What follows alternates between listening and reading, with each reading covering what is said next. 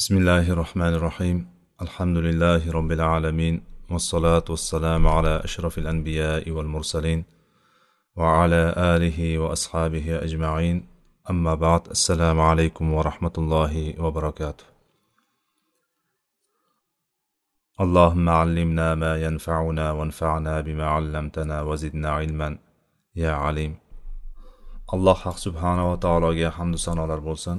Payg'ambarimiz sollallohu alayhi vasallamga u kishini ahli oilalariga ashoblariga va yaxshilik bilan ergashgan jamiki mo'minlarga allohning saloti salomlari bo'lsin.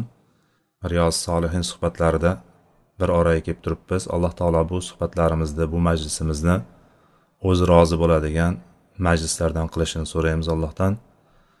Va majlisdan turar ekanmiz gunohlarimizni mag'firat bo'lib chiqishligini alloh taolo nasib qilsin. Allohga hamd bo'lsinki mana ramazonni ham birinchi o'n kunligini ortda qoldirib oldinga qarab turib ketyapmiz. Alloh taolo qolgan kunlarni ham chiroyli suratda o'tkazishligimizni o'zi xohlagandek chiroyli ibodatlarni qilib ajrlarni olib qolishligimizni alloh taolo hammamizga nasib qilsin. Aytiladiki bir narsa boshlansa oxiri yaqindir deb aytiladi. Ya'ni nimadir boshlansa albatta o'shani oxiri yaqin qolgan hisoblanadi. Ramazon ham mana kecha boshlangandi. Bugun yana o'n kuni o'tib ketgan holatda turibmiz. Kim nima qilib qola oldi? Kim qaysi narsaga erishib qola oldi? Buni har kim o'zi biladi. Ya'ni fursat shunaqa tez o'taveradiki bu har bir o'tgan kuni g'animat ekanligini agar biz o'tirib do'ppini yerga qo'yib ikki qo'limizni orasiga boshimizni qo'yib qarasakkina bu narsani ko'rishimiz mumkin. Ya'ni haqiqatda o'tib ketyaptiki kun sayin kun o'tyapti. Agarchi kunlar uzun bo'lgan taqdirda ham bir narsaga qilamiz deydigan bo'lsak o'sha qilishligimiz imkonsiz bo'lib qolyapti. O'zimizni oldimizga qo'ygan belgilab qo'ygan buni bunday qilaman buni unday qilaman qur'onda buncha o'qiyman hadisdan buncha o'qiyman yoki faloncha ma'ruza eshitaman faloncha zikr qilaman deydigan bo'lsak o'shalarni qaysidir jihatiga erishib qaysidir jihatiga erisha olmayapmiz. Alloh taolo o'zi bizga tavfiq bersin. Shuning uchun mana bu kunlardan yanada harakat qilib qolishligimiz kerakki chunki bu mag'firat oylarida o'zimizni nafsimizni biroz tergashligimiz kerakki bizda taqvo hosil bo'lsin. Mana shu taqvo bilan keyin biz yilda qolgan oylarida o'shandan foydalanib qoladigan bir o'zimizga malaka hosil qilishligimiz kerak. Ya'ni narvondan yoki zinadan bir joygacha chiqib qolgandan keyin yana pastga tushib turib yana eski holatimizga ketishlik emas. O'sha chiqqan joyimizda o'sha balandlikda ketishlikka harakat qilishligimiz kerak. Chunki bizdan asl talab qilingan narsa ham shu. Shoyat taqvodor bo'lsalaring deb alloh taolo bizga aytgan. Ya'ni ramazonni asli mohiyati ham mana shunda.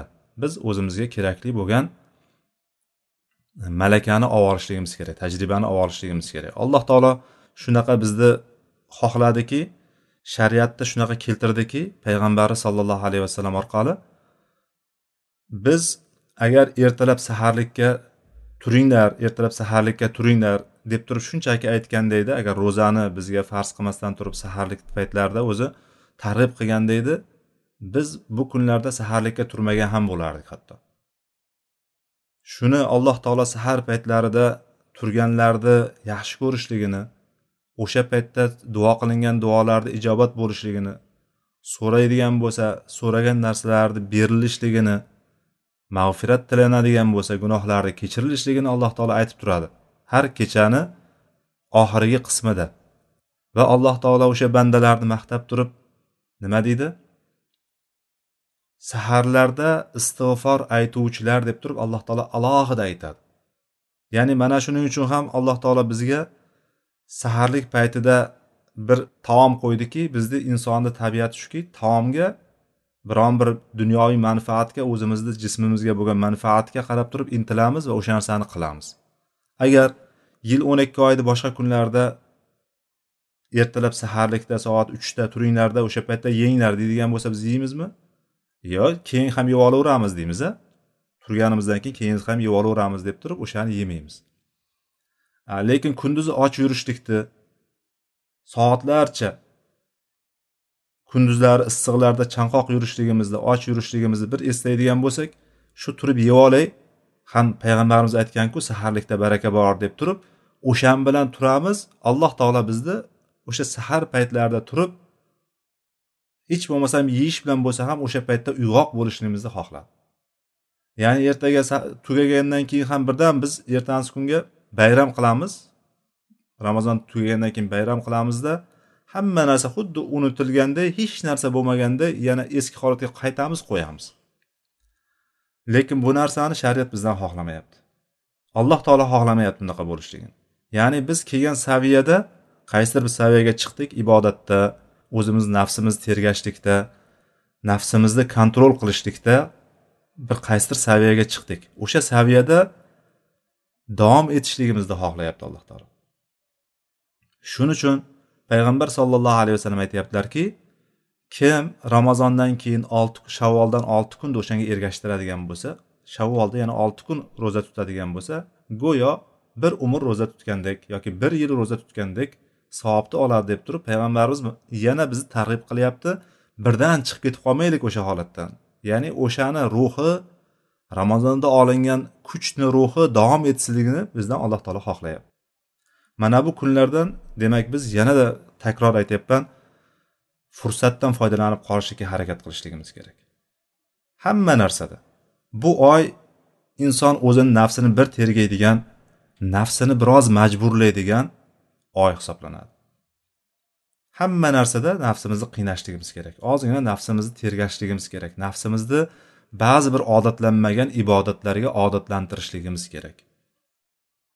Sadaqot sadoqatlar qilishlik deymizmi? Zikrlar qilishlik deymizmi? Qur'on tilovati deymizmi? Namozlar kechalari namozlar o'qishlik deymizmi? Sahar paytlarida istig'for aytishlik deymizmi? Mana bu narsalarga biz demak nafsimizni biroz moslashligimiz kerak. Nafsimizni o'rgatishligimiz kerak va o'sha saviyada ketishligimiz kerak. Har yili olgan ozgina ozgina hech bo'lmasam shu ramazondan oladigan ozgina ozgina malakalarimiz davom etadigan bo'lsa umrimizni oxirigacha alloh taolo qancha umr berganligini bilmaymiz. Har yili ozgina ozgina qo'shilib boraveradigan bo'lsa bizdan alloh taolo istagan mo'minlarni holati kelib chiqadi bizdan ya'ni alloh taolo bizdan o'sha xulqda ega xulqqa ega bo'lishligimizni o'sha islomiy xulqni alloh taolo bizdan talab qilyapti. Ramazonda o'tkazadigan kunlarimiz agar yil o'n ikki oyda bo'ladigan bo'lsa tasavvur qilinglar qanday bir go'zal bir musulmon bo'lamiz. Qo'limizdan qur'on tushmaydigan tilimizdan zikr tushmaydigan baqirib chaqirmaydigan yomon so'zlarni gapirmaydigan birovni dilini og'ritmaydigan nafsimizni deb turib orqasidan yugurmaydigan ya'ni qorin to'ydiraman deb turib odamlar nimalar qilmayapti? Shahvatini qondiraman deb turib odamlar nimalar qilmayapti?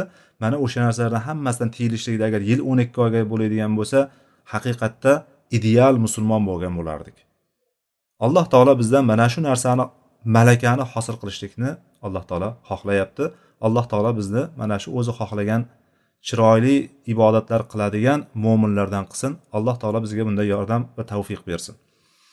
Biz riyozi solihin kitobimizdan bir yuz ellik uchinchi hadisga kelib to'xtagan ekanmiz ibodatlarda o'rta meyonalik haqidagi bobda davom etayotgandik وعن أبي جحيفة وهب بن عبد الله رضي الله عنه قال آخى النبي صلى الله عليه وسلم بين سلمان وأبي الدرداء فزار سلمان أبا الدرداء فرأى أم الدرداء متبذلة فقال ما شأنك قالت أخوك أبو الدرداء ليس له حاجة في الدنيا أبو جحيفة vahb ibn abdulloh roziyallohu anhudan rivoyat qilinyapti sahobalarni ichida yosh sahobalardan hisoblangan payg'ambarimiz sollallohu alayhi vasallam vafot etayotgan paytlarida hali baloatga ham yetmagan sahobalardan biri shu sahoba bizga rivoyat qilib beryapti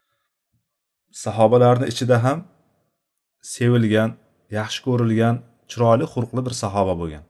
Yosh sahoba ertaga katta bo'lgandan keyin sahobalarni ichida ham o'ziga yarasha o'rni mavqei bo'lgan hazrati ali roziyallohu anhu u kishiga ko'p e'tibor bergan hurmat qilgan va sevib unga ishongan sahobadan biri bo'lgan va ali roziyallohu anhu unga vahbul xoyr deb turib ya'ni yaxshiliklar sohibi vahb deb atar ekan uni. Vahbul xoyir deb turib atagan sahoba. E, ali roziyallohu anhu xilofatga kelgandan keyin xilofatni bilamiz kufaga o'tqizdi. Ya'ni madinadan kufaga o'tqizdi. Ba'zi bir siyosiy sabablarga ko'ra o'sha paytdagi strategik bir sabablarga ko'ra markazda xilofat markazini kufaga o'tqizdi. O'sha kufaga o'tqizganda vahbni e, vahb ibn abdullohni mana bu hozirgi roviyimiz e, yosh sahobani baytul molga xazinabon qilib qo'ydi. Baytul molni boshqaruvchi xazinabon qilib qo'ydi.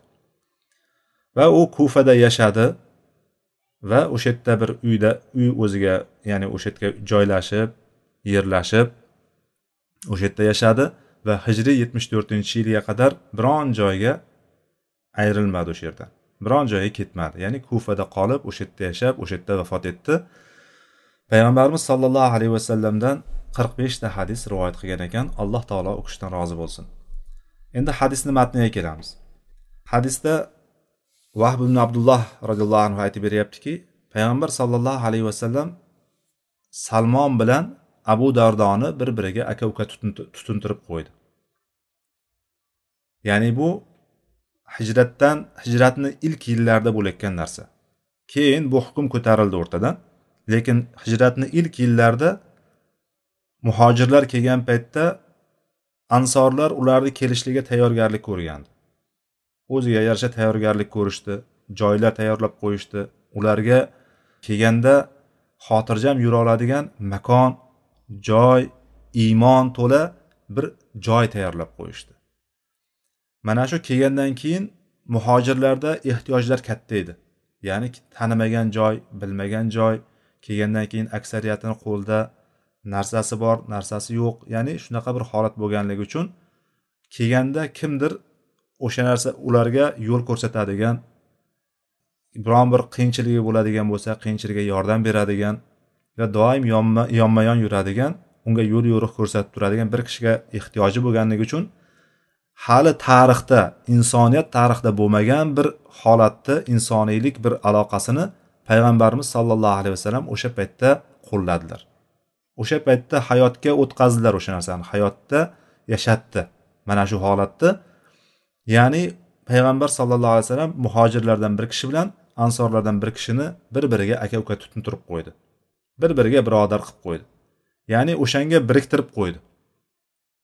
O'zaro bitimlashdi bitim qilib qo'ydi go'yoki payg'ambarimiz sallallohu alayhi vasallam har bittasini keltirdi. Yonma yon sen bu bilan birodar bo'lasan aka uka tutunasan dedi. Ya'ni buni kam ko'piga kamchiliklariga qiyinchiliklariga hammasiga sen qaraysan degan vazifani oldi ansorlar va mana shu holatdan biri salmon roziyallohu anhuni biz bilamiz salmon forsiy degan sahoba ya'ni forsdan bo'lgan o'sha eronni bir qishloqlaridan kelgan sahoba bu kishini tarixini oldin o'tganmiz vallohu alam. Ya'ni shu kishi islomga kelib qullikdan ozod bo'lgandan keyin abu dardo bilan payg'ambarimiz u kishini birodar qilib qo'ydi. Abu dardo ansorlardan bo'lgan sahobalardan biri edi. Ular e, ansorlar hatto shunaqa bir ularga muhojirlarga shunaqa bir fidoyilik qildiki ularni mana tarixda qaraydigan bo'lsak inson shunaqa ham bo'lishi mumkinmi deydigan darajada holatlar bo'ldi. Ular moli bo'ladigan bo'lsa yarmi seniki? Joying bo'ladigan bo'lsa yarmi seniki? Ayoli ikkita bo'ladigan bo'lsa hatto tanla deydigan darajada fidoyiligi bordi ularni tanla qara qaysi biri senga yoqsa o'shani menga ayt men talog'ini qilaman talog'ini beraman. Iddasi o'tgandan keyin nikohingga olasan deydigan darajaga borishdi ular. Iymon ularni mana shu darajaga chiqargandi. Va alloh o'shanday sahobalarni usti o'shalarni nusratini berdi. O'shalar bilan dinni yuksak qildi. O'shalar sababli dinlar bizni diyorlarimizga yetib keldi. Butun dunyoga yoyildi. Qalblari mana shunday pok bo'lgan qalblari mana shunday toza bo'lgan qalblari mana shunday fidoyilik bilan to'lib toshgan sahobalarni alloh taolo payg'ambarimiz sallallohu alayhi vasallamni atrofiga qo'ygandi. Va o'shalarni butun insoniyatdan odam alayhissalomdan to qiyomatgacha keladigan sahobalarni ichida payg'ambarimizni yonida yurishlikda haq etadigan yurishlikka arziydigan qilib turib loyiq bo'lgan kishilar deb turib alloh taolo mana shularni o'sha yerga qo'ydiki bularni qaraydigan bo'lsak haqiqatda biz bu narsani qila olarmidik. Hozir shunday tasavvur qiling hozir biz shu holatda payg'ambarimiz davrida bo'lib qoldik. Biz ansormiz birimiz ansor birimiz muhojirmiz. Mana shu ansorlar va muhojirlar qilgan ishni qila olamizmi yo'qmi degan savolni beradigan bo'lsak o'ylanib qolamiz. Yo'q qilardim deb turib katta gapirib yuborishligimiz mumkindir.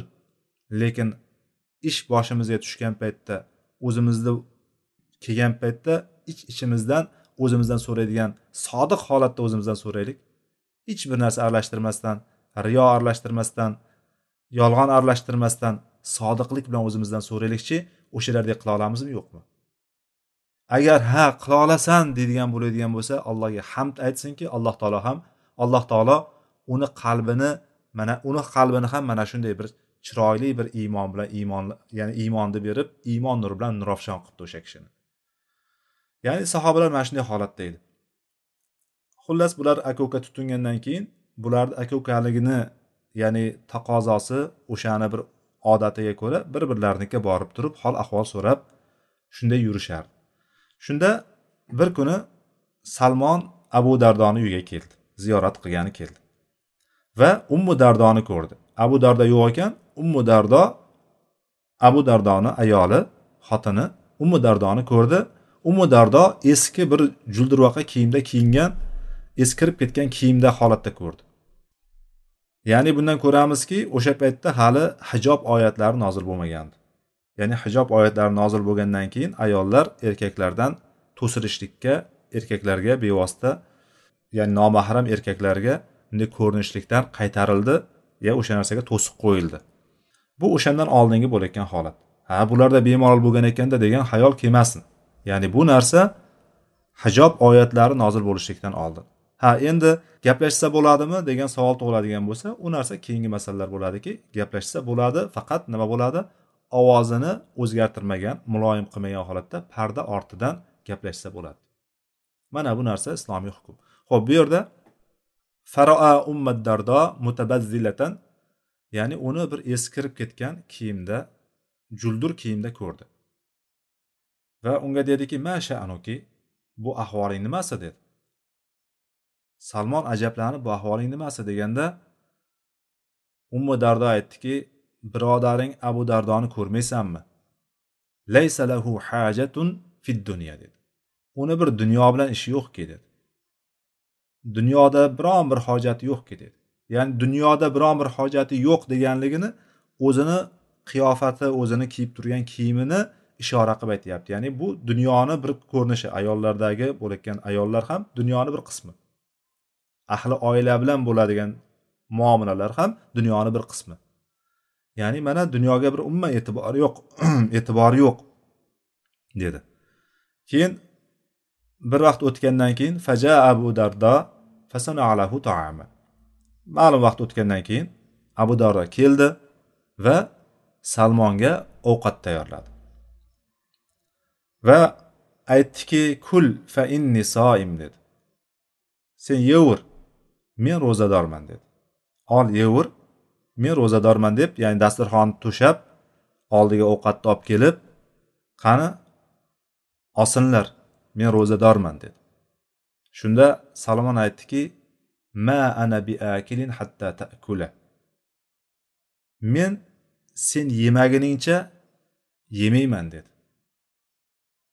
Sen yemasang men ham yemayman dedi. Shundan keyin shu gapidan keyin abu dardo yedi. Ya'ni ro'zasini ochib turib abu dardo ovqatdan yedi va birgalikda yedi. Va kechqurun bo'lganda falamma kana laylu zahaba abu dardo yaqumu faqol lahu nam fanama ya'ni kechqurun bo'lganda abu dardo namoz o'qishlikka turdi. Salmon yonida yotgan salmon aytdiki yot dedi. Yotib uxla dedi.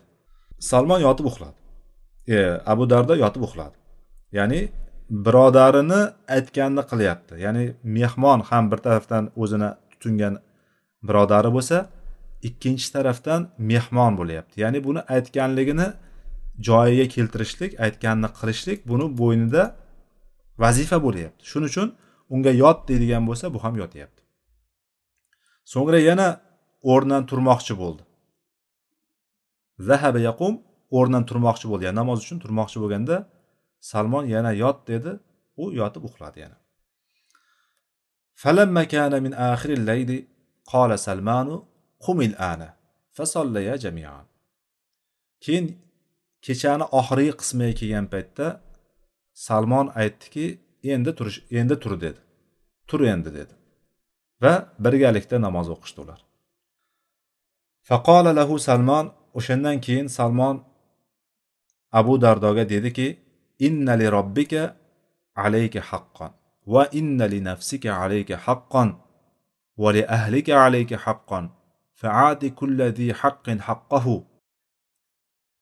Seni ustingda seni zimmangda robbingning haqqi bor. Va sening zimmangda nafsingda o'zingda nafsingda haqqi bor va ahlingni ham haqqi bor dedilar. Va har bir haq egasiga haqqini bergin dedilar. Har bir haq egasiga haqqini berginda dedilar. Keyin mana shu holat bu bo'lgandan keyin abu dardo salmonni aytgan gapi uni qoniqtirmadi. Ya'ni hadisni davomida aytyapmizki men buni o'zimdan keltiryapman hadisni qismi yo'q bu. Ya'ni abu dardo men ibodat qilib turadigan bo'lsam ibodatga shuncha ibodatni ko'proq qilib turib allohga yanada yaqinroq bo'lishlikka harakat qilsamu u menga seni buning bor buning bor deb turib menga boshqa boshqa haqlarni anglatyapti boshqa boshqa haqlarni menga o'rgatmoqchi bo'lyapti deb turib bu narsani sig'dira olmagani uchun o'zini qo'ygan yo'liga sig'dira olmaganligi uchun ya'ni o'zi tutgan yo'li e, bir inson o'ziga bir reja qilib oladi hayotida o'sha yo'liga teskari bir narsani aytganligi uchun bu narsani yanada so'rab olay deb turib payg'ambar sallallohu alayhi vasallamni yoniga bordi. Ya'ni ularda payg'ambar sallallohu alayhi vasallam hayot edilar ishlarida chiqqan biron bir muammolari bo'ladigan bo'lsa bir kelishmovchilik bo'ladigan bo'lsa tushunmovchilik bo'ladigan bo'lsa to'g'ri payg'ambar sallallohu alayhi vasallamni yoniga borib turib so'rardilar. Bugungi kunda ham insonda biron bir bizni holatlarimizda shunaqa bo'ladigan bo'lsa biz ham to'g'ri biron bir olim kishini yoniga borishligimiz kerakda o'zimizni o'sha ibodatlarimizdagi holatlarimizni bir tartiblab olishlik yo bo'lmasam hukmlarni o'rganib olishligimiz kerak bo'ladi. Chunki ulamolar olimlar payg'ambarning merosxo'rlaridir. Ya'ni payg'ambarimiz sallallohu alayhi vasallamdan kelgan narsalarni ular bizga o'rgatadi. Va payg'ambar sallallohu alayhi vasallamni yoniga bordi. Va bo'lgan narsani fadakara dalikalahu payg'ambarimizga bo'lgan narsalarni aytib berdi. Ya'ni salmon mana shunaqa dedi deb turib e, aytganida shu bo'lgan voqeani aytib berganda payg'ambar sallallohu alayhi vasallam aytdilarki sadaqa salmanu. Salmon to'g'ri aytibdi dedilar. Salmon to'g'ri aytibdi dedilar. Demak insonni zimmasida alloh taoloni haqqi bor. Ya'ni biz shukur qilishligimiz kerak biz ibodat qilishligimiz kerak. Va alloh taolo la yukallifullohu nafsan illa usaha alloh taolo bizga o'zimizni nafsimizga toqatimiz yetmaydigan ya'ni bizni kuchimiz yetmaydigan narsaga taklif qilmadi. Ya'ni o'sha narsani bizga yuklamadi alloh taolo. Bizni kuchimiz yetadigan toqatimiz yetadigan darajada ibodatlarni farz qildi. Va toqatimiz yetadigan darajada bizga nafl ibodatlarni payg'ambar sallallohu alayhi vasallam sunnatlari orqali ko'rsatib qo'ydi. Biz o'shandan qo'limizdan kelganicha harakat qilamiz va bunda o'zimizni nafsimizni haqqini unutib qo'ymaymiz. O'zimizni nafsimizni o'zimizni jismimizda haqqimiz bor. Qo'l oyog'imizni jismimizni badanimizni dam olishlikka haqqi bor. Ular ham ertaga allohni huzuriga borganda ular ham shikoyat qiladi. Ey ey ollohim ey robbim bandang men meni ko'p qiynadi hayotda. Ishlatdi tinimsiz. Biron bir marta dam bermadi. Mana shunday holatga keldim deb turib ular hammasi shikoyat qiladi. Bizni ko'zimizda haqqi bor. Kechqurun uxlashligi kerak u ham. Dam olishligi kerak. Har bir a'zolarimizni bizni ustimizda haqqi bor o'shalarni haqqini o'zini joyiga qo'yishligimiz kerak. Yig'laydigan narsa qayg'uda g'am tashvish kelgan paytda yig'lashligimiz kerak ko'zimizni haqqini berishligimiz kerak. Xursand bo'ladigan joyda kulishligimiz kerak. Uni ham haqqini berishligimiz kerak. Qo'limiz charchagan oyog'imiz charchagan paytda o'tirib dam olishligimiz kerak. Bularni ham haqqini berishligimiz kerak. Va ahlimizni ham ahli oilamizni ham haqqi bor. Ularga ham o'zini haqqini berishligimiz kerak. To'shakdagi haqqi deymizmi? Muomaladagi haqqi deymizmi?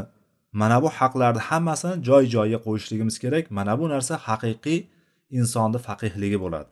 Insonni dinni yaxshi tushunishligi bo'ladi. Mana shu narsa bizdan talab qilingan va har bir haq egalariga o'z haqlarini berishlik islomni eng e, asos asosiy bo'lgan fundamentlardan bittasi hisoblanadi. Boshqa bir rivoyatda mana shu rivoyatlarni boshqa bir shaklida payg'ambar sallallohu alayhi vasallamga kelib turib abu dardo mana shunday deganda uvaymir u kishini ismlaridan bittasi uvaymir abu dardoni ismlaridan bittasi uvaymir edi. Payg'ambarimiz unga uvaymir deb turib ey uvaymir salmon sendan faqihroqdir deganlar. Ya'ni salmon roziyallohu anhuni bilamiz biz salmon forisiy roziyallohu anhuni hayotiga bir qaraydigan bo'lsak u kishi butun nasroniylik dinini aslini o'rganib chiqqan ya'ni ikkita dinni ham yaxshi o'rgangan sahobalardan bittasi faqih sahobalardan bittasi edi. Mana shu faqihligidan mana bu inson o'zini o'tga cho'qqa urmasligini va har bir narsani o'z o'rniga qo'yish kerak ekanligini abu dardo roziyallohu anhuga ta'lim berib ketyapti bu yerda demak dinda o'rtacha bo'lishlikni imom navaviy rahimaulloh mana bu hadisni bu yerga keltirdi. Demak inson dunyodan zuhd qilishligi mumkin. Dunyoni tark qilishligi mumkin ya'ni dunyodan o'zi parhez qilishligi mumkin. Lekin dunyodan parhez qilyapman deb turib yonidagi ahli oilasiga zulm qilishligi kerak emas. Men ibodatda mustahkam bo'laman deyishligi mumkin lekin ibodatda mustahkam bo'laman deb turib inson o'zini jasadidagi o'zini badanidagi a'zolarni haqqini bermay qo'ymasligi kerak. Ya'ni o'shani hammasini haqqini berishligi kerak. Mana shu narsa demak bizda dinda o'rtacha bo'lishlikka chaqiradigan narsalardan bittasi ekan. Undan keyin hadis va an abi muhammad abdullah ibn amr ibn os roziyallohu anhu qol. Bu yerda endi abu muhammad abdulloh ibn amr ibn os roziyallohu anhudan rivoyat qilinyapti. Abdulloh ibn amirdan rivoyat qilinyapti ya'ni. Amr ibn os bilamiz misrni fotihi. O'shaning o'g'li abdulloh ibodatlarda zarbul masal holatiga kelgan ibodatda eng mustahkam bo'lib turib ibodat qayerda zikr qilinsa ibodatda mustahkamlik ibodatda sobit qadamlik ibodatda g'ayratli bo'lganlik haqi qayerda gapiriladigan bo'lsa sahobalardan abdulloh ibn amir ko'zimizni oldiga keladi. Mana shu sahobani mana shu hayotidagi qisqacha e, bo'lib o'tgan payg'ambarimiz sallallohu alayhi vasallam tavsiyalari o'sha tavsiyalardan qaysi birini olgan qaysi birini olmaganligi va olganligi yoki olmaganligi uchun pushaymon bo'lganligini mana bugun mana shu hadisdan o'rgangan bo'lamiz inshaalloh. Abdulloh ibn amr aytadiki men vallohi la asumanna nahar va la aqumanna layl ma ishtu degan. Ya'ni men hayotda ekanman yashar ekanman kunduzlari har doim ro'za tutaman. Kechalari bilan namoz o'qib chiqaman. Allohga qasam bilan aytyapti buni. Allohga qasam bilan va ta'kidlab ta'kidlab aytyapti. Arab tilini qoidalariga ko'ra allomi qasam ta'kid bor bu yerda nunu nunu saqil ta'kid bor va boshida yana vallohi deb aytyapti. Ya'ni allohga qasamki biron marta ham bironta kunduzni ham qoldirmay doimiy ro'za bo'laman. Allohga qasamki biron bir kechani qoldirmasdan doimiy ravishda ya'ni kechalarda uxlamasdan namoz o'qiyman deb turib ta'kid siyg'alarini hammasini eng og'irlarini ishlatirib aytgan bu narsa. Mana bu gap payg'ambarimiz sallallohu alayhi vasallamga borib yetdi deyapti. Meni shu deganim payg'ambarimizga yetkazilibdi. Keyin payg'ambarimiz sallallohu alayhi vasallam aytdilarki antalladzi taqulu zalik? Bu narsalarni aytgan senmiding mana shu narsalarni aytgan? deb so'radi payg'ambarimiz. Va men aytdimki ha ota onam sizga fido bo'lsin ey allohning rasuli bu narsalarni men aytdim dedim. Ya'ni ta'kidlab aytdi. Qot qultuhu. Ha aytdim men bu narsalarni deb turib aytdi. Payg'ambarimiz aytdilarki sen bunga kuching yetmaydi. Fa innaka la tastati'u zalik. Sen bunga kuching yetmaydi. Ya'ni doimiy ro'zador bo'lib yurishlik doimiy kechalar bilan namoz o'qib chiqishlikka sening kuching yetmaydi. Sen ro'za ham tut og'zing ochiq ham bo'lsin dedi. Ya'ni ba'zan ro'za ham tut ba'zan ro'za ham tutmagin dedi. Va kechqurun uxla ham kerak kechqurun uxlagin ham va namoz ham o'qigin dedilar. Ya'ni uxlab namoz o'qimaydi uxlaydi va uyqudan turib namoz o'qiydi demoqchi. Va sum mina shahri salasata ayyamin fa innal hasanat bi ashri amsaliha va zalika mislu siyamid dahr. Va payg'ambarimizni ro'za tutishlikda abdullohga tavsiyalari shu bo'ldiki har oydan uch kun ro'za tutgin dedi. Har oyda ichida uch kun ro'za tutgin. Bu boshidamidi o'rtasidamidi oxiridamidi? Bu haqda gap ketmayapti. Bir oyni ichida mutloq aytilyapti bu yerda uch kun ro'za tutgin. Buni biz olib borib turib ayyomil biz deb atalgan yorug' kechalarda bo'lgan kunduzlar yorug' kechalarning kunduzlarida ro'za tutishlik ya'ni oyni hijriy yil bo'yicha o'n uch o'n to'rt o'n besh deyishligimiz mumkinmi? Uni ham o'zini ichiga oladi. Oyni boshida deyishligimiz mumkinmi? Uni ham o'zini ichiga oladi. Oyni oxirida deyishimiz mumkin. Uni ham o'z ichiga oladi. Oyda qaysi bir vaqtida bo'lishidan qat'iy nazar bir oyda uch kun ro'za tutishlikni payg'ambarimiz bu yerda tavsiya qilyapti. Xullas oyda bir oyda uch kun ro'za tutgin dedilar. Chunki hasanot ya'ni yaxshi qilingan amal yaxshi amal o'nta mislicha ya'ni o'nta savob beradi. O'nta savobi bordir. Qilingan yaxshi amalni o'n barobar savob beriladi dedilar. Ya'ni bu yaxshi bu ibodatlarni kunduzlari bilan ro'zador bo'laman kechqurunlari bilan namoz o'qiyman deganligi sababi ko'proq savob olib qolishlik maqsadi. Shu. Inson bekordan bekorga ibodat qilmaydiki. Ya'ni shunchaki men ibodat qilgim kelib qoldi bir qilib qo'ysam yaxshi bo'lib qoladi deyilmaydi. Ya'ni borib turib tosh ko'tarayotgan odamga o'xshab turib ya'ni biroz muskullarim chiqsin mushaklarim shishsin deb turib gavdam qomatim chiroyli bo'lsin deb turib tosh ko'tarmaydi. Ya'ni ibodatni unaqa qilmaydi. Ibodatdan orqasidan allohni roziligi o'shani savob umid qilinadi. Va shuning uchun payg'ambarimiz sallallohu alayhi vasallam shu joyiga ta'kidlayaptiki bir oyda uch kun ro'za tutgin. Chunki bitta hasanot bitta yaxshilik o'n barobar savob beriladi. Bitta yaxshilikka o'n barobar savob beriladi dedi. Boshqa rivoyatlardan bilamizki yetti yuz barobargacha nima qilib beriladi?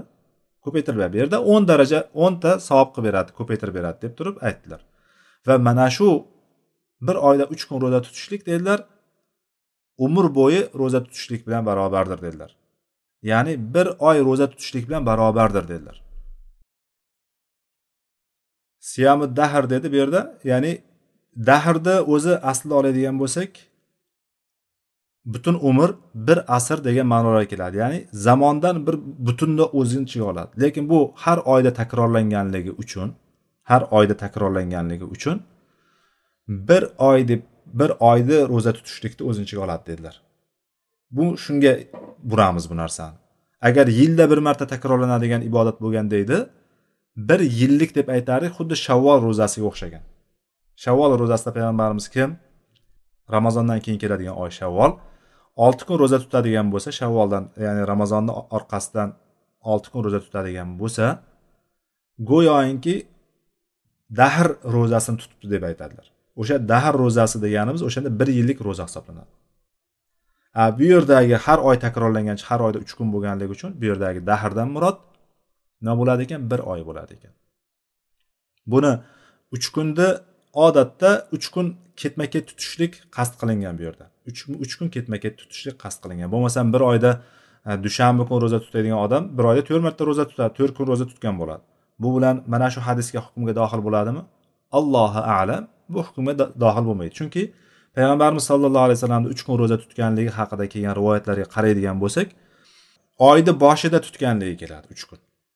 Oyni boshida uch kun ketma ket tutganligi keladi. Va boshqa bir rivoyatda oyni o'rtasida ya'ni mana shu bu hammasini hijriy yillar hijriy oy bo'yicha aytyapmiz. Bu ya'ni milodiy oy bo'yicha masalan iyun hozir masalan ertaga iyul kiradigan bo'lsa iyulni boshida uch kun ro'za tutishlik haqida emas.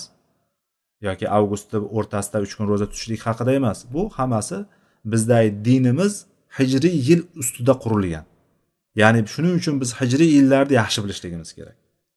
Bu bizni o'rtamizdan ko'tarilib ketib qolgan ancha chunki ko'p diyorlar masalan eski o'zimizni sovet ittifoqi deymizmi yoki o'sha yaqin sharqlar deymiz mana shularni hammasi musulmon o'lkalarni ham aksariyati milodiy yilda qo'llanganligi uchun biz hijriy yillardan biroz g'aflatda qolib ketganmiz. Bu narsani qayta biz hayotimizga tatbiq qilishligimiz kerak bilishligimiz kerak. Bu qaysi oy kelyapti? Buni qachon o'rtasi keladi? Qachon boshi bo'ladi? Xullas mana shu oylarda demak payg'ambarimiz o'rtasida tutganligi kelgan uch kun o'n uch o'n to'rt o'n beshida va oxirida tutganligi kelgan. Va boshqa bir rivoyatda keladiki hafta kunlariga qarab tutganligi keladi. Payg'ambarimiz seshanba chorshanba payshanba tutganligi keladi. Haftada seshanba chorshanba payshanba bir oyda mana hozir deylik ramazon e, ramazon demayli hammasi ro'zador bo'lamiz boshqa oyda olaylik shavvolda hafta kuniga qarab turib e, seshanba chorshanba payshanba tutdilar. Keyingi oyda shanba bozor dushanba tutdilar. Mana shunaqa tutganligi ham kelgan. Ya'ni bunda ham uch kun uch kun kelayotganligi kelyapti. O'rtada qaysi kun tashlab ketyapti? Juma kun tashlab ketyapti. Bir oyda bunday tutdilar boshqa oyda bunday tutdilar deb turib aytadi. Endi u oylarni kunlari qaysi kunga to'g'ri kelganligi o'rtasiga to'g'ri keldimi boshiga to'g'ri keldimi oxiriga to'g'ri keldimi zikr qilinmayapti. Bu yerda mutloq haftaga ko'ra tutganligi kelyapti. Demak hammasi joiz ekan. Xohlasak oyni boshida oy kirgandan uch kun tutishligimiz mumkin. Agar ayollarda mana shu holatlarda uzrli davrlarga to'g'ri kelib qoladigan bo'lsa hech xafa bo'lmasin chunki oyni o'rtasi ham bor. Oyni o'rtasida tutsin. Oyni o'rtasida ayollarda mana shunaqa holatlar bo'lib qoladigan bo'lsa oyni oxirida tutsin. Endi yana bunday qaraydigan bo'lsa o'zida bir o'shanga g'ayrat topadigan o'zida bir e, tetiklik faollik topadigan bo'lsa haftaga ko'ra tutsin. Haftani seshanba chorshanba payshanba tutsin. Keyingi oyda shanba bozor dushanba tutsin. Mana bu narsa payg'ambarimiz sollallohu alayhi vasallamni sahih sunnatlarida kelgan. Ho'p mana shu narsani bir oylik ro'zaga teng deb turib aytdilar payg'ambarimiz sallallohu alayhi vasallam. Bu sahoba abdulloh ibn amir nima dedi? Fa inni utiqu afdala min zalik. Men bundan ham ko'prog'iga bundan ham afzalrog'iga toqatim yetadi kuchim yetadi dedi. Payg'ambarimiz bo'lmasam dedi bir kun ro'za tut ikki kun ochiq yur dedilar. Bir kun ro'za tutib ikki kun ochiq yur dedilar. Bu bo'lsa yana ayni gapni gapirdi. Men bundan ham ko'prog'iga kuchim yetadi dedi. Bo'lmasam dedilar fasum yovman va aftir yovman fadalika siyamu davud sallallohu alayhi vasallam. Va huwa a'dalu siyam va huwa a'dalu siyam va fi rivoyatin huwa afdalu siyam. Bo'lmasam bir kun ro'za tut bir kun ochiq yur. Mana shu dovud alayhissalomni ro'zasidir va u ro'zalarning eng to'g'ri bo'lgani eng ya'ni o'rniga qo'yilgan ro'za mana shu hisoblanadi. Va boshqa rivoyatda bo'ladigan bo'lsa eng afzal ro'za mana shu bo'ladi deb turib aytganlar payg'ambar sallallohu alayhi vasallam. Dovud alayhissalomni ro'zasi bir kun tutib bir kun ochiq yurishlik. Bu bo'lsa abdulloh ibn amir yana o'zida demak bu yigit hali o'zida shu narsaga topyapti o'ziga shunaqa nashot topyapti o'zida faollik topyapti. O'shanga g'ayrat kuch topyaptiki yana talab qilyapti yana yana yana deyapti. Ya'ni ibodatlarga shunaqa berilgan sahoba abbod deymiz ibodatlarga juda qattiq berilgan sahoba edi. Aytyaptiki men bundan ham ko'piga toqatim yetadi kuchim yetadi deyapti. Payg'ambarimiz sallallohu alayhi vasallam aytdilarki la afdola min zalik. Bundan bundan afzali yo'q dedilar. Bundan afzali kuchim yetadi degani bundan afzali yo'q. Demak har kun ro'za tutishlik degan narsa yo'q. Ramazondan boshqa oylarda har kun ro'za tutishlik degan narsa yo'q. Faqat shabon oyida payg'ambar sallallohu alayhi vasallamni salkam butun oyda ro'za tutganligi rivoyatlari keladi. Buni qaysi hikmatlariga ko'ra ro'za tutgan? Bu narsani olloh biladi.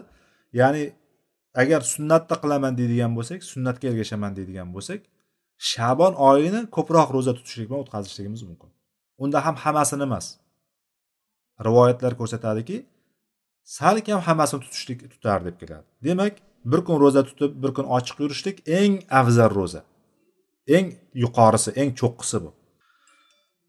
Va mana shu holat o'tdi vaqt o'tgandan keyin abdulloh ibn amr roziyallohu anhu aytyaptilarki men mana shu uch kunda ya'ni payg'ambar sollallohu alayhi vasallam menga tavsiya qilgan aytgan mana shu uch kunni qabul qilgani qilishligim o'sha payt qabul qilish qilganim edi qilsam edi yoki o'sha uch kunni qabul qilishligim men uchun meni ahlimdan ham molimdan ham menga suyukliroq edi deb aytadi. Lekin o'sha narsani qilmagan. Chunki o'sha paytda o'zida nashot topgan o'zida faollik topgan o'zida kuch g'ayrat topgan lekin ertaga yoshi bir joyga borgandan keyin mana shu narsani o'sha paytda payg'ambarimizni uch kun tavsiya qilgan bir oyda uch kun ro'za tutishligini tavsiya qilganini olishligim men uchun ahlimu molimdan ko'ra yaxshiroq edi deb turib aytgan ekan. Boshqa rivoyatga o'tamiz. Ya'ni shu rivoyatni boshqa shakli. Mana shu abdulloh e, ibn amirni e, holatini boshqa bir rivoyat. Payg'ambarimiz sallallohu alayhi vasallam aytdilarki kunduzlari ro'zador kechalari qoyim bo'laman degan senmiding deb so'radilar. Ya'ni payg'ambarimizga payg'ambarimiz unga shunaqa dedilar. Bu bala rasululloh ha? Men shunaqa dedim ey allohni rasuli dedi. Payg'ambarimiz aytdilarki la fala tafal unday qilmagin dedilar.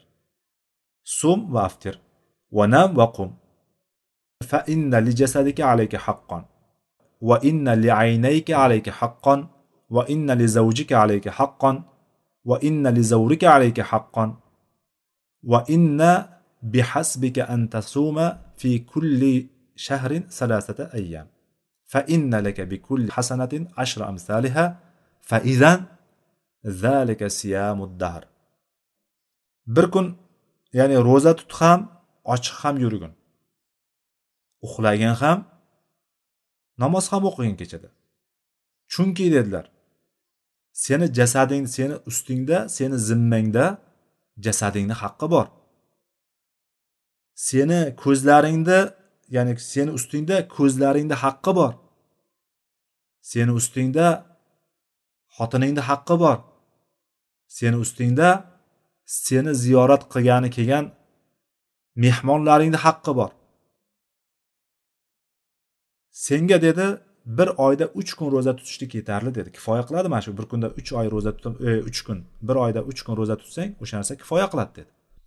Chunki dedilar bitta hasanatga bitta yaxshilikka o'n barobar qilib turib savob beriladi senga dedilar. Fa innalaka bikulli hasanatin ashramsaliha bitta hasanat bitta yaxshiliging uchun senga o'nta ya'ni uch kunni tasavvur qiling uch kun uchni o'nga ko'paytirsak o'ttiz bo'ladi. Bir oy qancha? O'ttiz kun. Mana shundan kelib chiqyapti. Ya'ni sen uch kun ro'za tutsang go'yoki bir oy ro'za tutgan bo'lasan dedilar. Faidan bas shunday ekan. Zalika siyamu dahr. Ya'ni bir, bir oyda uch kun ro'za tutsang mana shu bir oylik ro'za bo'ladi dedilar. Ya'ni bir, bir kunlik ro'za o'n kunga ko'paytiriladigan bo'lsa o'n bir, bir kunda o'n kun savobini berib tursa bir oyda uch kun ro'za tutishlik bilan bir oylik ro'zani savobini olasan dedilar. Fashadattu fashaddattu fashuddida alayya ya'ni men o'sha paytda o'zimga qiyin qattiq qildim va menga qattiq qilib berildi. Ya'ni o'ziga yana yana yana deb turib toqatim yetadi. Bundan afzalni ham qila olaman yana qila olaman deb turib o'zim ya'ni o'zimga o'zim qattiq qildim menga qattiq qilib berildi dedi.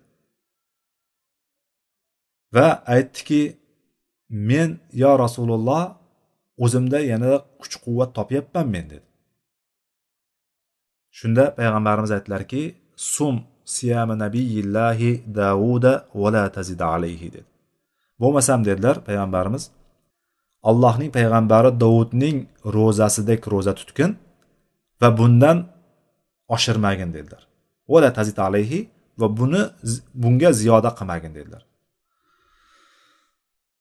Bo'lmasa bu so'radi. Abdulloh so'radiki e, dovud alayhissalomni ro'zasi qanaqa edi? Deb so'radi. Nisfud dahr dedilar. Payg'ambarimiz ya'ni oyni yarmi dedilar. Nisfud dahr yoki umrini yarmi dedilar. Dahrda boyagi aytganimizdek oyni yilni umrni hammasini olib borishligimiz mumkin. Yarmi dedilar o'shani. Oyni yarmi yilni yarmi umrni yarmi. Abdulloh roziyallohu anhu aytdilarki ya'ni bir kun ro'za yuqorida hadis bilan jamlaydigan bo'lsak bir kun ro'za tutib bir kun ro'za tutmaslik davud alayhissalom ro'zasi mana shu edi. Abdulloh aytadiki katta bo'lgandan keyin yoshi bir joyga borgandan keyin aytyaptiki fakan abdulloh yaqulu ba'da ma kabira. Ya'ni yoshi bir joyga borgandan keyin ya laytani qabiltu ruxsata rasululloh sollallohu alayhi vasallam dedilar. Koshkiydi rasulullohni ruxsatlarini qabul qilsamidi? dedi. Chunki bu o'ziga bir kun ro'za tutishlik bir kun ochiq yurishlikni oldi. Eng oxirgi nuqtalarigacha oldi. Ibodatni qilishlik mumkin bo'lgan oxirgi nuqtasini oldi o'ziga. Hammasida shunaqa. Hozir mana e, namoz o'qishlikda ham qur'on o'qishlikda ham hozir keladi bundan keyingi davomida boshqa rivoyatlarda. Hammasini eng oxirgi nuqtalarini olgan. Ibodatni qilishlik mumkin bo'lgan oxirgi nuqtalari aytilyapti. Ro'zani bildik a bir kun ro'za tutib bir kun ochiq yurishlik. Eng oxirgi holat. Boshqa rivoyatda kelyaptiki payg'ambarimiz aytdilar abdullohga qarab turib sen har doim ro'za tutaman degan har kuni ro'za tutaman degan deganing menga xabar berilmadimi? Shunaqa emasmi? Va har kechada qur'on o'qishliging menga xabar berildi shundaymi? deb so'radilar.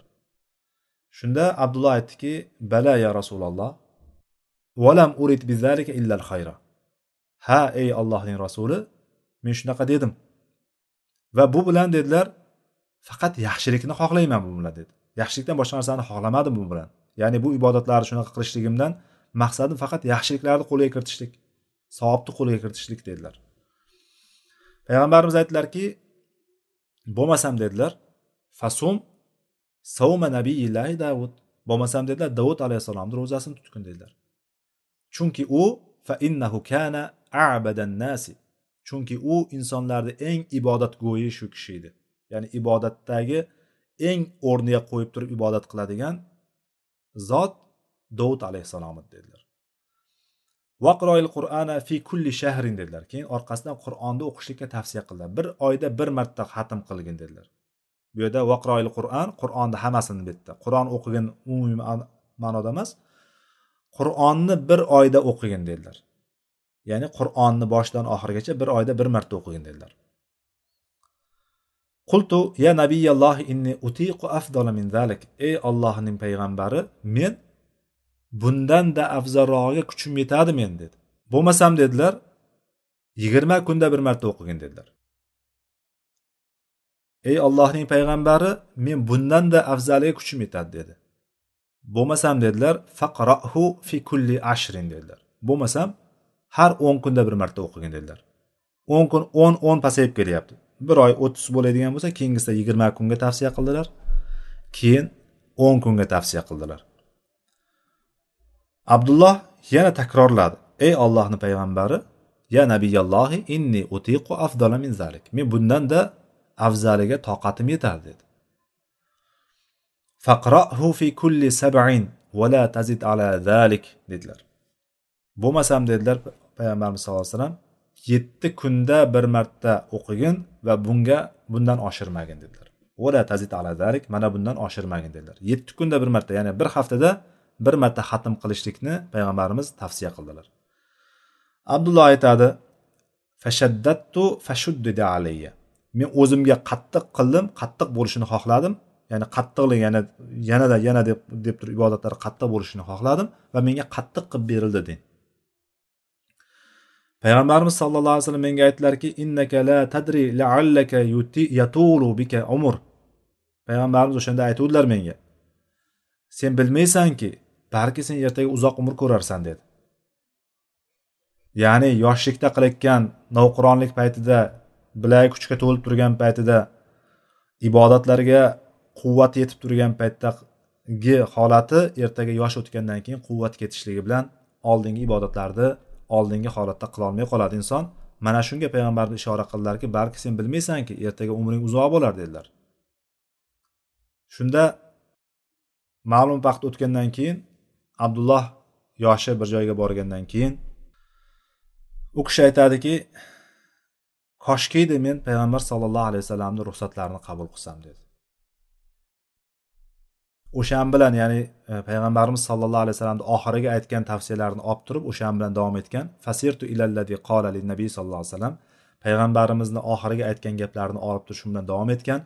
Yoshi kattargandan keyin qarigandan keyin aytdiki vadittu an qobiltu e, ruxsati nabiy sallallohu alayhi vasallam. Ya'ni payg'ambar sallallohu alayhi vasallam ruxsatlarini qabul qilishlikni shunchalar xohladimki shunchalar yaxshi ko'rdimki lekin bu narsani qilmagan ekanman deb afsuslangan. Hadisni boshqa rivoyatida va inna li valadika alayka haqqon degan ekanlar. Yana haqlarni aytgan paytda yuqorida e, insonni o'zini o'zingni haqqing bor ko'zlaringda haqqi bor oilangda haqqi bor deb turib har birtasini seni ziyorat qilgani kelgan mehmoningni haqqi bor deganda yana shu e, haqlarni aytayotganda payg'ambarimiz seni farzandingni ham seni ustingda haqqi bor degan ekanlar. Ya'ni farzandlarga ham e'tibor qaratishlik ularga tarbiya berishlik ular bilan e, ma'lum bir vaqtlarini o'tkazishlik insonni bo'ynidagi shart bo'lgan narsalar bular. Alayka haqqon ya'ni seni ustingda farzandingni ham haqqi bor degan ekan boshqa rivoyatda. Va yana bir rivoyatda aytgan ekan la soma man somal abad. Ya'ni uch marta aytgan ekan shu gapni. Doimiy ro'za tutadigan ya'ni abadul abad ya'ni umuman ochmasdan turib doimiy ro'za tutadiganlardek ro'za tutmagin degan ekanlar payg'ambarimiz ya'ni tavsiyasi mana shu bo'lgan ekan yana bir boshqa rivoyatda kelyaptiki ahabbu siyami ilallohi taala siyamu davud va ahabbu solati ilallohi taala solatu davud kana yanamu nisfal layli va yaqumu thulusahu va yanamu sudusahu va kana yasumu yawman va yuftir yawman va la yafirru ida laqa boshqa rivoyatda allohga ro'zalarning ro'zaning allohga eng yaxshi ko'rilgani alloh taologa ro'zaning eng yaxshi ko'rilgani dovud alayhissalomni ro'zasidir dedilar. Va alloh taologa namozni eng yaxshisi eng suyuklisi eng yaxshi ko'rilgani dovud alayhissalomning namozi edi dedilar. Va orqasidan dovud alayhissalomni namozini sifatlab ketdilar. Ya'ni hozir biz ro'zani eng afzali qaysi nuqtaga borishligini bildik. Qur'on tilovatini eng eng afzali qaysi nuqtaga borishligini bildik. Bir oyda bir. Payg'ambarimiz birinchi tavsiyalari yigirma kunda bir o'n kunda bir va oxirgi nuqtasi yetti kunda bir bo'lib to'xtagan ho'p bu yerda endi kechqurungi namozni afzali qaysi bo'ladi? O'shani payg'ambarimiz sallallohu alayhi vasallam o'rgatadilar. E, va mana shu o'rgatishligi dovud alayhissalomni ro'zasini e, namozini dovud alayhissalom namozini allohga eng yaxshi ko'rilgan namoz ekanligini aytib orqasidan qanday bo'lganligini aytyapti. Kana yanamu nisfallay. Kechani yarmida uxlardilar kechani bo'lib olamiz. Kechani hisoblaymiz. Quyosh botgandan fajr soatigacha ya'ni tong otgunigacha bo'lgan oraliqni hisoblaymiz. Necha soat chiqadigan bo'lsa o'n soat chiqadigan bo'lsa yarmini uxlardi shuni. Nisfallayl o'shani yarmini uxlardi. Ya'ni kechani yarmida uxlardi va yaqumu sulusahu va uchdan birida namoz o'qirdi. Uchdan birida namoz o'qirdi. Va oltidan birida yana uxlardi. Va yanamu sudusahu ya'ni kechani biz oltiga bo'lsak bo'ladi. Kechani olti qismga bo'lamizda. O'sha olti qismdan yarmi uxlanishligi kerak? Ya'ni yarim uxlanishligi kerak deganimiz oltiga bo'ladigan bo'lsak uch qismi uxlanadi. Endi qolgan uchdan qismini uchdan biri uxlanadi o'sha oltidan biri eng oxirgi qismi yana yotib uxlanadi. Agar o'sha kechqurun soatimiz olti soat bo'ladigan bo'lsa olti soat bo'ladigan bo'lsa uch soat uxlanadi. Kecha hisoblayman kechani olti soat deb hisoblaydigan bo'lsak bu esda qolishlik uchun aytyapman. Kecha olti soat deb hisoblaydigan bo'lsak hozirgi yozgi kunlarda kecha qisqarib ketdiku olti soat deb hisoblaydigan bo'lsak o'sha olti soatni uch soatda uxlaniladi. O'sha olti soatni ikki soatida namoz o'qilinadi va oxirgi bir soatida uxlaniladi. Mana shunda olti soat bo'ladi ya'ni birinchi uch soati uxlandi keyingi ikki soati namoz o'qilindi va oxirgi bir soati yana uxlanadi. O'rtada ikki soat namoz o'qilinadi va oxiriga bir soat yana uxlanadi. Ya'ni shunda olti soat kelib chiqadi. Kechani mana shunday qilib turib taqsimlashligimiz mumkin bo'ladi. Ho'p va kana yasumu savman va yuftir yawman. Yasumu yawman va yuftir yawman.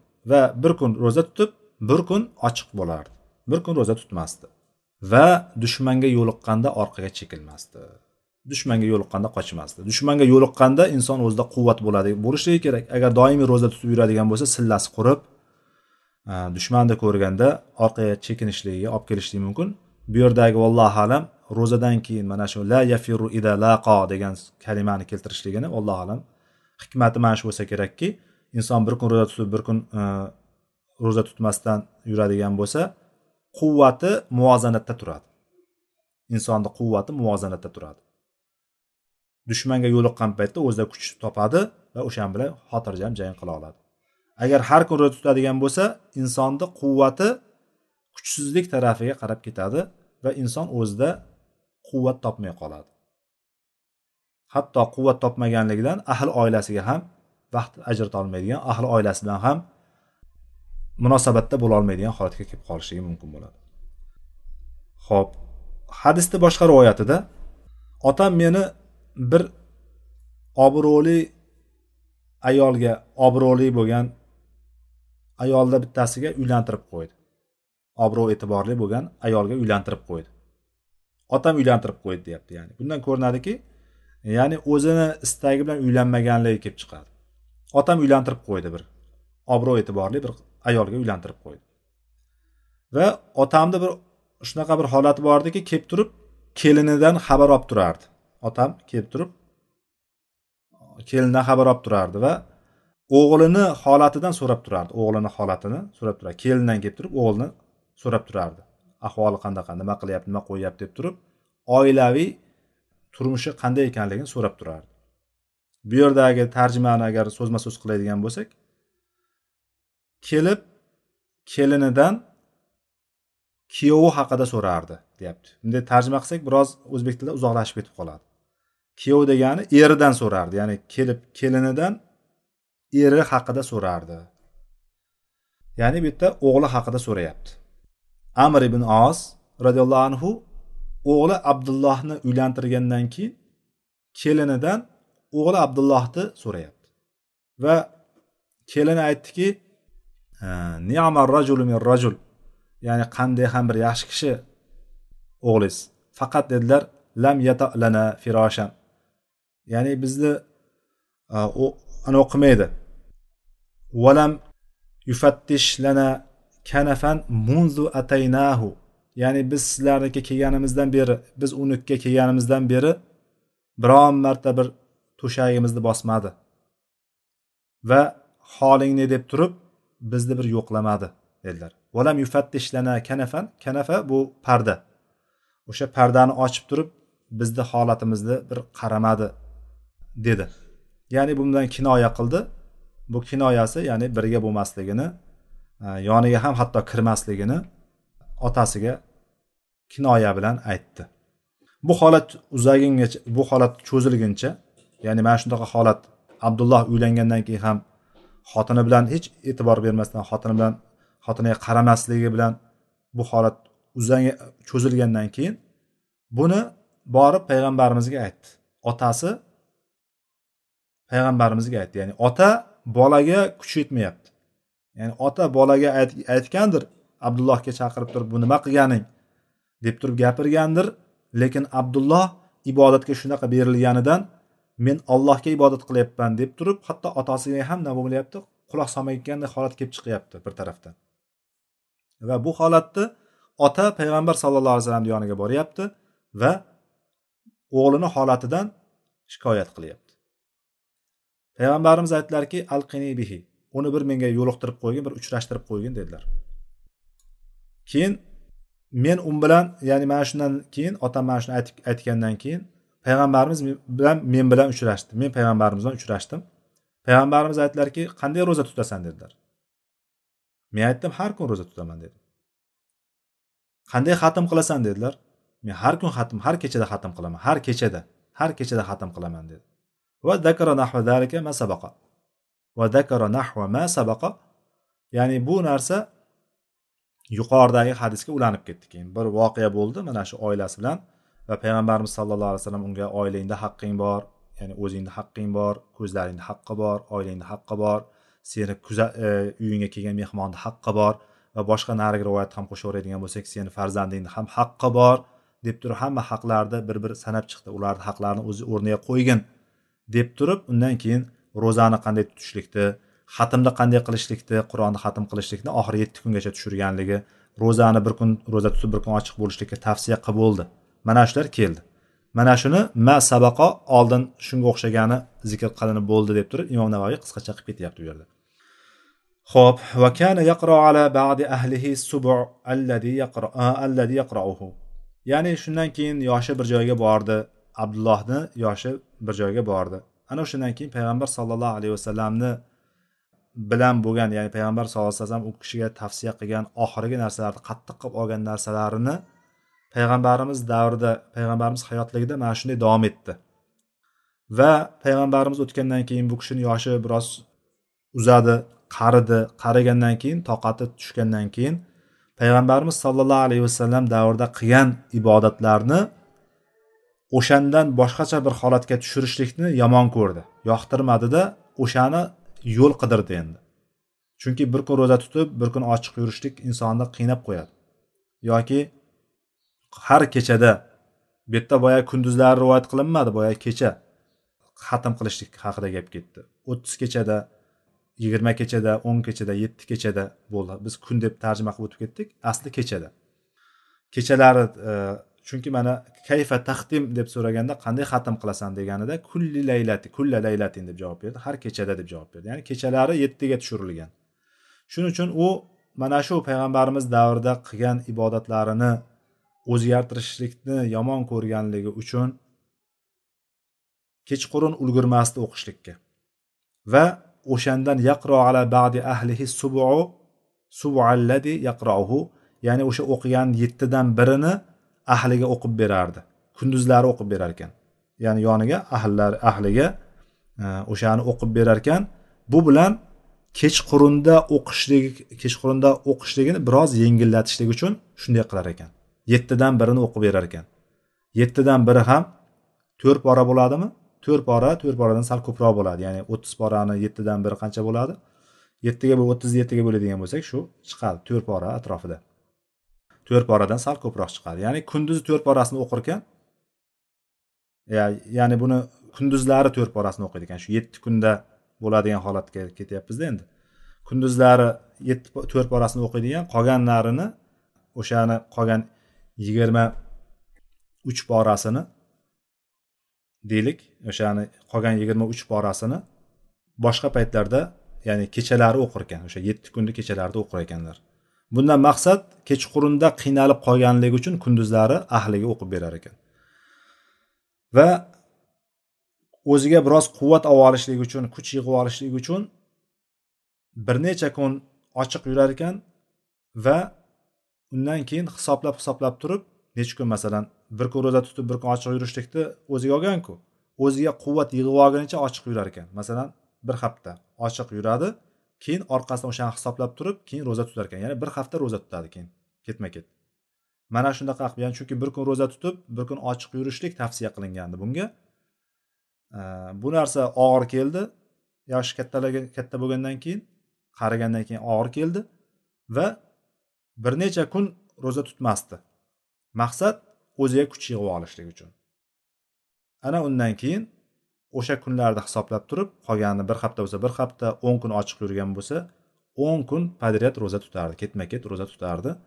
Mana shu narsani bitta sababi payg'ambarimiz sollallohu alayhi vasallam davrida o'ziga olgan payg'am o'sha payg'ambarimizni oxirgi tavsiyalarini ushlaganligi uchun mana shularni tark qilishlikni o'ziga karih sanaganligi uchun o'ziga yomon sanaganligi uchun yoqtirmaganligi uchun mana shunday qilardi. O'shani tark qilmadi. Faqat shaklini o'zgartirdi. Shaklini o'zgarishligi bilan afzaliyati tushadi baribir. Afzaliyati tushadi. Lekin o'shani to'liq tark qilibyubormagan tark qilibyubormadi va yuqoridagi aytgan gaplariga ko'ra koshkiydi payg'ambar sallallohu alayhi vasallam ruxsatlarini olsamidi deb turib afsuslangan ekan. Bu rivoyatlar hozirgi rivoyatlarda imom navaviy aytyapti kulli hadihi rivoyat sahihatun mu'zamuha fi sahihayni va qalilun minha fi ahadihima deb. Bu rivoyatlarni aksariyati katta qismi sahihaynda kelgan buxoriy va muslimni rivoyatlarida kelgan va ozgina qismi ikkalasidan bittasida kelgan. Ya'ni hamma rivoyatlari hozir o'tgan bugungi rivoyatlarimizni hammasi sahih rivoyatlar ekan. Mana bundan ko'ryapmizki imom navoiy bu o'ringa bu hadislarni keltirdi. Bu bilan ibodatda o'rtacha bo'lishlikka harakat qilishlik va o'zimizga og'ir qilyormasligimiz agar o'zimizga og'ir qoraydigan bo'lsak din bizni albatta sindirib qo'yishligini bizga o'rgatyapti va mana shu hadislardan oladigan foydalarni chiqaryapti. Alloh taolo dinda mo'tadil bo'ladigan va allohga eng xush ko'riladigan eng yaxshi ko'riladigan ibodatlarni qilishlikda alloh taolo hammamizga nasib qilsin. Eshitganlarimizga bilganlarimizga amal qilguvchilardan qilsin manfaatli ilm bersin. Allohu alam. سبحانك اللهم بحمدك أشهد أن لا إله إلا أنت أستغفرك وأتوب إليك وآخر دعوانا أن الحمد لله رب العالمين.